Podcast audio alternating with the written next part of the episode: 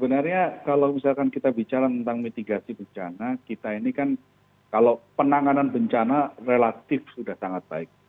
Bpbd maupun eh, bnpb itu sudah sangat eh, aktif eh, ketika ada terjadi bencana bpbd maupun bnpb itu segera datang ke lokasi dan segera melakukan evakuasi dan melakukan menolong para korban. Jadi kita sebenarnya sudah Eh, layaklah memberi apresiasi kepada lembaga yang menangani bencana. Cuman memang masalahnya eh, banyak sekali kita ini kan hidup dalam Indonesia ini kan hidup dalam eh, lingkaran cincin api ya di, dikepung oleh gunung berapi, kemudian sesar-sesar gempa juga ada di banyak tempat gitu sehingga sebenarnya negara kita ini negara yang sangat rawan bencana. Eh, belum lagi eh, di beberapa titik eh, potensi likuifaksi juga ada tsunami bahkan dan lain sebagainya. Hari ini juga di terjadi letusan Gunung Semeru yang cukup cukup besar sehingga aktivitas Semeru dinaikkan di status awan.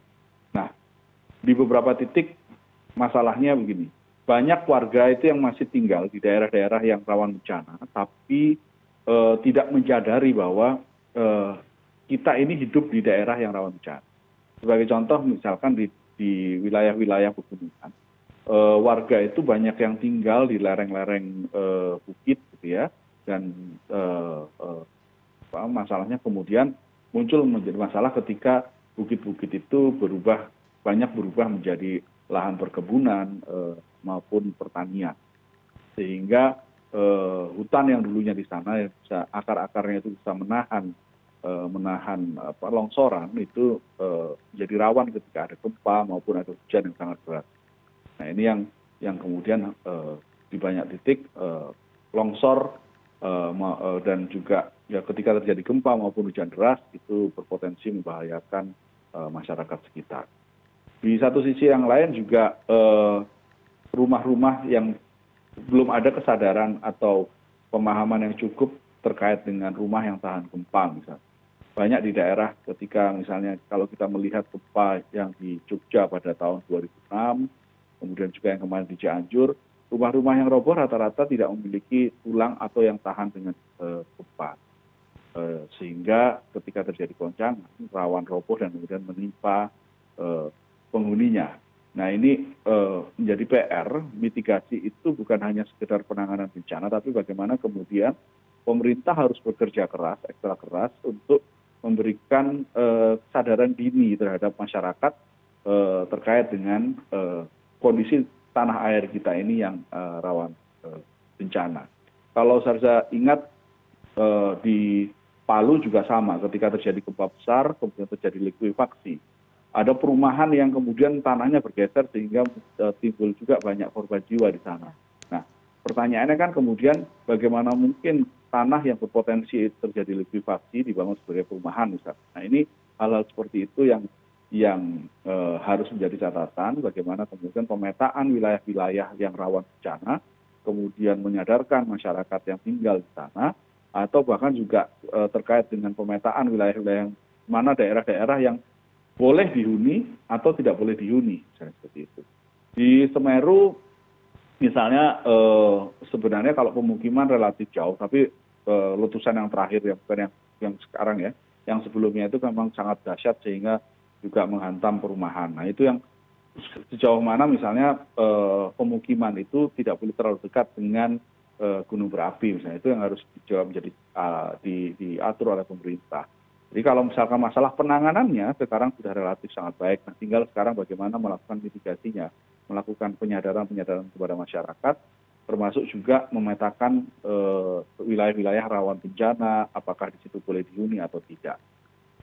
Baik baik mas revo ada dua dua poin penting yaitu bagaimana uh, pemerintah mensosialisasikan kepada masyarakat agar masyarakat jauh lebih sadar di mana mereka tinggal kemudian juga peraturan yang dibuat pemerintah mengenai pembangunan di titik-titik rawan mas elvan sejauh ini seperti apa sebenarnya yang upaya yang dilakukan pemerintah sudah cukup seriuskah untuk menyadarkan masyarakat karena kalau kita ingat di uh, Jepang salah satu kenapa kemudian uh, dapat meminimalisir masyarakatnya benar-benar paham bagaimana mitigasi resiko. Sejauh ini sudah seriuskah, sudah uh, sejauh apa yang dilakukan pemerintah, Mas Elvan? Oke, uh, sebetulnya pemerintah itu kan uh, sudah punya yang namanya blueprint terhadap bencana di Indonesia, ya kan? Uh, kemudian BMKG juga sudah punya beberapa kali mengingatkan adanya potensi tsunami, potensi gempa di Indonesia, ya kan? Kemudian yang paling dikhawatirkan, apa yang paling menyedihkan sebetulnya dari gempa Cianjur kemarin adalah jumlah korban yang sangat banyak, di mana 300 orang lebih. Uh, gitu artinya apa yang salah begitu kan? Itu yang mestinya kemudian kita evaluasi betul tadi disampaikan mas rev bmkg kan memang sudah punya ya yang namanya blueprint. Artinya sudah sadar kita berada di ring of fire. Ya kan? Eh, kemudian kenapa kok korbannya masih banyak? Apakah sosialisasinya kurang segala macam? Itu dicek ulang. Tetapi dari pernyataan bmkg kemarin kenapa kok korbannya banyak? Salah satu karena gempanya berada di lokasi yang dangkal. Ya kan? Gempa yang dangkal ini perlu dicek lagi itu garisnya ke mana aja nih. Nah, kemudian dilakukan sosialisasi lagi kalau terjadi hal seperti ini. Yang kedua adalah hanya banyak karena bangunannya karakteristiknya tidak tahan gempa. Rata rata tidak menggunakan fondasi yang baik tidak menggunakan tulangan yang baik. Artinya ini sebetulnya udah ini ya apa namanya turun temurun ya kan? Jadi pemerintah tidak bisa lagi sosialisasi dengan hanya menyampaikan bahwa kalau terjadi gempa ini harus dilakukan begini begini begini. Tapi harus dari awal betul-betul dari awal. Artinya dari mulai dari pembangunan rumah-rumah warga di sekitar daerah yang rawan gempa. Itu betul-betul harus dimonitor lewat mana bantuannya seperti apa ya kan? Nah, kemudian kayak semeru misalnya kejadian semeru hari ini tuh persis setahun yang lalu juga terjadi erupsi. Artinya seharusnya memang sudah ada terlebih dahulu. Memang bencana ya namanya bencana tentu kita semua berduka. Yang namanya bencana kita semua berduka. Mudah-mudahan semua bisa bangkit. Tapi bencana ini kan ada ilmu yang bisa mempelajari. Semeru misalnya tahun lalu terjadi sekarang terjadi lagi. Jadi apakah pemerintah ini sudah cukup lebih cepat menginformasikan? PR-nya adalah bagaimana agar kita itu bisa ngasih tahu lebih awal potensi. Ya jadi eh, kalau sudah terjadi kemudian kita apa namanya kita menyelamatkan masyarakat memberikan bantuan itu sudah pasti. Itu sudah menjadi bagian dari warga bangsa seluruh rakyat dan seluruh berbau membau untuk membantu. Tapi PR besarnya adalah di apa kita memberitahu sebelum kejadian potensinya terjadi retakan di sini kemudian semeru misalnya terjadi misalnya sudah ada tanda tanda akan keluar awan panas segala macam. Jadi hal hal seperti itu saya kira yang perlu diumumkan lebih awal oleh pemerintah sehingga kemudian bisa menekan korban lebih jauh lagi. Dan jangan lupa PR terbesarnya adalah menyadarkan masyarakat pentingnya sadar bencana bukan hanya setelah terjadi tapi juga sebelumnya. Begitu. Kemudian Mas Revo ini juga menarik sebenarnya ya. Apakah kan bukan pertama kali terjadi ada Aceh, ada Semeru juga tadi disebutkan tahun lalu sudah beberapa tahun yang lalu ada Merapi dan lain-lain. Namun titik-titik ini kemudian kan sudah dimitigasi dengan lebih baik. Misalkan di Aceh sudah dibangun uh, bangunan ataupun rumah-rumah yang misalkan lebih tahan tsunami. Kemudian di beberapa titik juga sudah dibangun uh, rumah-rumah yang lebih tahan gempa. Pertanyaannya, masa masyarakat harus menderita terlebih dahulu kemudian baru pemerintah sadar? Bagaimana catatannya Mas Revo? Ya itu memang dari satu bencana ke bencana yang lain kita selalu menarik satu pelajaran gitu ya. E, gempa di Palu misalnya ketika terjadi di Palu e, tsunami di Palu itu juga menyadarkan kita bagaimana potensi eh apa deteksi dini terkait dengan tsunami itu juga kita masih e, ada ada e, e, celahnya gitu masih ada lubang celah yang buat pada waktu itu eh, bmkg sempat menyatakan eh, ketika di jam sekitar jam enam otoritas pemerintah pada waktu itu ya bmkg menyatakan bahwa eh, berpotensi tsunami tapi hanya sekitar berapa senti gitu ya tidak. Tapi kan kenyataannya kemudian yang terjadi tsunami-nya cukup besar. Artinya alat deteksi dini bui-bui yang ada di daerah sana itu juga bermasalah gitu ya. Sehingga pendeteksian dini dari eh, bmkg itu agak meleset gitu. Bukan agak meleset itu meleset. Kemudian juga kita tidak pernah atau mungkin orang lupa gitu ya dengan kalau kita sendiri pada waktu itu kan banyak orang yang tidak tahu apa itu bencana likuifaksi. Kemudian ketika di Palu kita tersadarkan bahwa ada bencana yang namanya tanpa bergerak likuifaksi dan itu cukup membahayakan. Nah satu titik pelajaran titik pelajaran yang lain ini yang memang harus ditarik oleh kita bersama. Tidak hanya pemerintah tapi juga masyarakat pada umumnya. Hanya saja memang kondisi tentu di lapangan agak lebih susah gitu ya. Rumah yang tanpa tulang misalnya yang rumahnya tidak begitu yang rumah yang dibangun tidak tahan gempa itu tentu terkait dengan kondisi ekonomi masyarakat yang ada di di wilayah tersebut. Nah ini yang juga menjadi PR kan masyarakat mampunya membangun rumah yang tidak ada tulangnya, tidak ada cakar ayamnya atau tulangnya, sehingga relatif ketika ada gonjangan sedikit dia crackingnya itu lebih cepat terjadi. Nah ini itu juga menjadi persoalan yang lain. Tapi hal-hal yang juga mendasar yang perlu juga diatur oleh pemerintah dan pemerintah harus tegas juga bagaimana kemudian wilayah-wilayah yang rawan longsor itu tidak berubah fungsi, berubah alih fungsi lahan itu juga harus diatur sehingga itu juga bisa meminimalisir adanya bencana. Kemudian bagaimana ketika terjadi gempa, orang e, masyarakat e, itu sudah tersadarkan e, apa yang harus dilakukan ketika terjadi gempa. Nah ini kan kalau di Jepang kita mengetahui bahwa penyadaran terhadap gempa itu sudah masuk dalam semacam kurikulum ya gitu ya diajarkan sejak usia pendidikan usia dini sekolah dasar dan terus menerus gitu disadarkan apa yang harus dilakukan ketika terjadi gempa.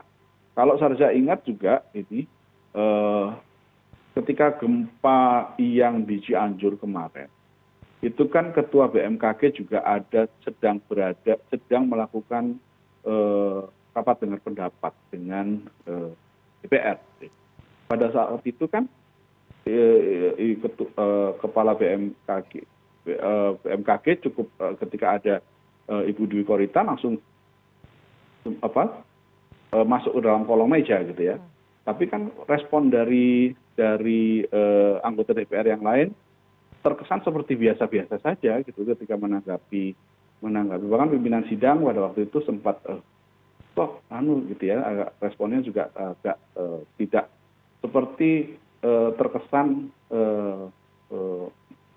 bukan meremehkan mungkin ya tapi terkesan tidak proper gitu reaksinya terkait dengan ketika ada gempa baru kemudian pimpinan sidang memutuskan sidang di skors dan kemudian semua anggota dpr yang melakukan rapat dengar pendapat itu keluar ruang sidang.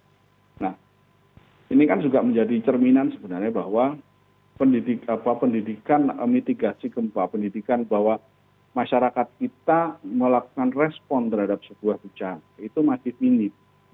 Uh, jangankan ke kelompok-kelompok yang um, masyarakat kelas bawah, bahkan sekelas uh, masyarakat yang berpendidikan yang relatif itu pendidikan responnya juga seperti seperti apa ya dalam tanda kutip ya dalam tanda kutip memang seperti gempa ini seperti tidak ada apa-apa gitu.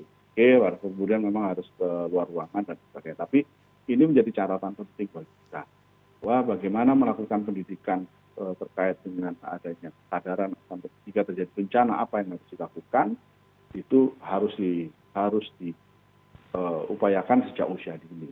Masuk sehingga orang itu ketika terjadi gempa responnya seperti apa itu sudah sudah sudah uh, apa uh, uh, tidak tidak muncul kepanikan tapi responnya juga tepat melakukan evakuasi seperti apa semua itu sudah sudah masuk ke dalam nadi darah lah ibaratnya seperti itu. Jadi tahu apa yang harus dilakukan ketika Mas Revo, apakah itu uh, seperti yang terjadi di Semeru pada tadi pagi setidaknya warga tidak sulit untuk dievakuasi bahkan banyak yang sudah mandiri melakukan evakuasi. Seperti itukah yang seharusnya seluruh warga semua masyarakat Indonesia terutama yang berada di titik-titik rawan?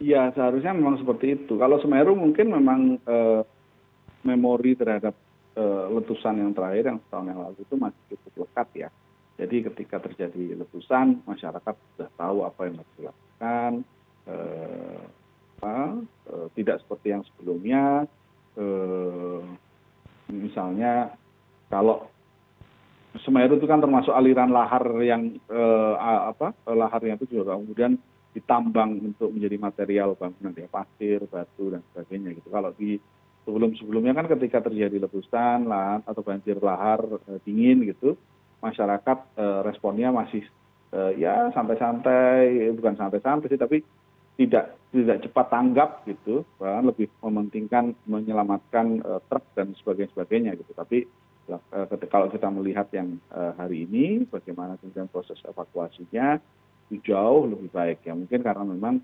memori terhadap bencana sebelumnya sudah cukup masih cukup melekat ya sangat melekat nah ini ini sebenarnya yang harus di, disadarkan kepada semua masyarakat Indonesia bahwa kita ini tinggal di wilayah yang rawan bencana. Bahkan seharusnya kan sebenarnya kan kalau lewat budaya misalnya ketika dulu di tsunami Aceh kenapa kemudian uh, Eh, orang orang di niat itu relatif sedikit gitu ya relatif sedikit korbannya? Karena mereka kan punya eh, apa namanya kearifan lokal gitu terkait ketika mereka tahu bahwa eh, melalui lagu-lagu yang mereka nyanyikan dan itu merupakan pendidikan terhadap anak-anak usia dini. Mereka menyebut smong ya ketika air laut surut nah itu yang dinamakan smong maka mereka langsung naik ke dalam naik ke bukit-bukit.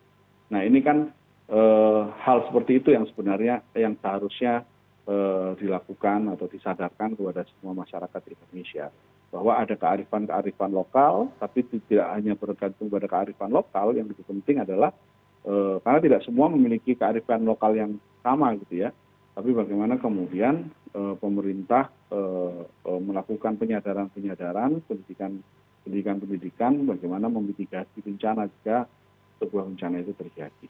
Baik, Mas Revo. Mitigasi bencana tidak hanya mengenai uh, penyadaran masyarakat seperti yang tadi juga sudah diungkapkan oleh Mas Revo dan juga Mas Elvan, ada mengenai alih fungsi lahan yang tadi disebutkan oleh Mas uh, Revo, kemudian juga ada pembangunan rumah warga dan juga infrastruktur lainnya.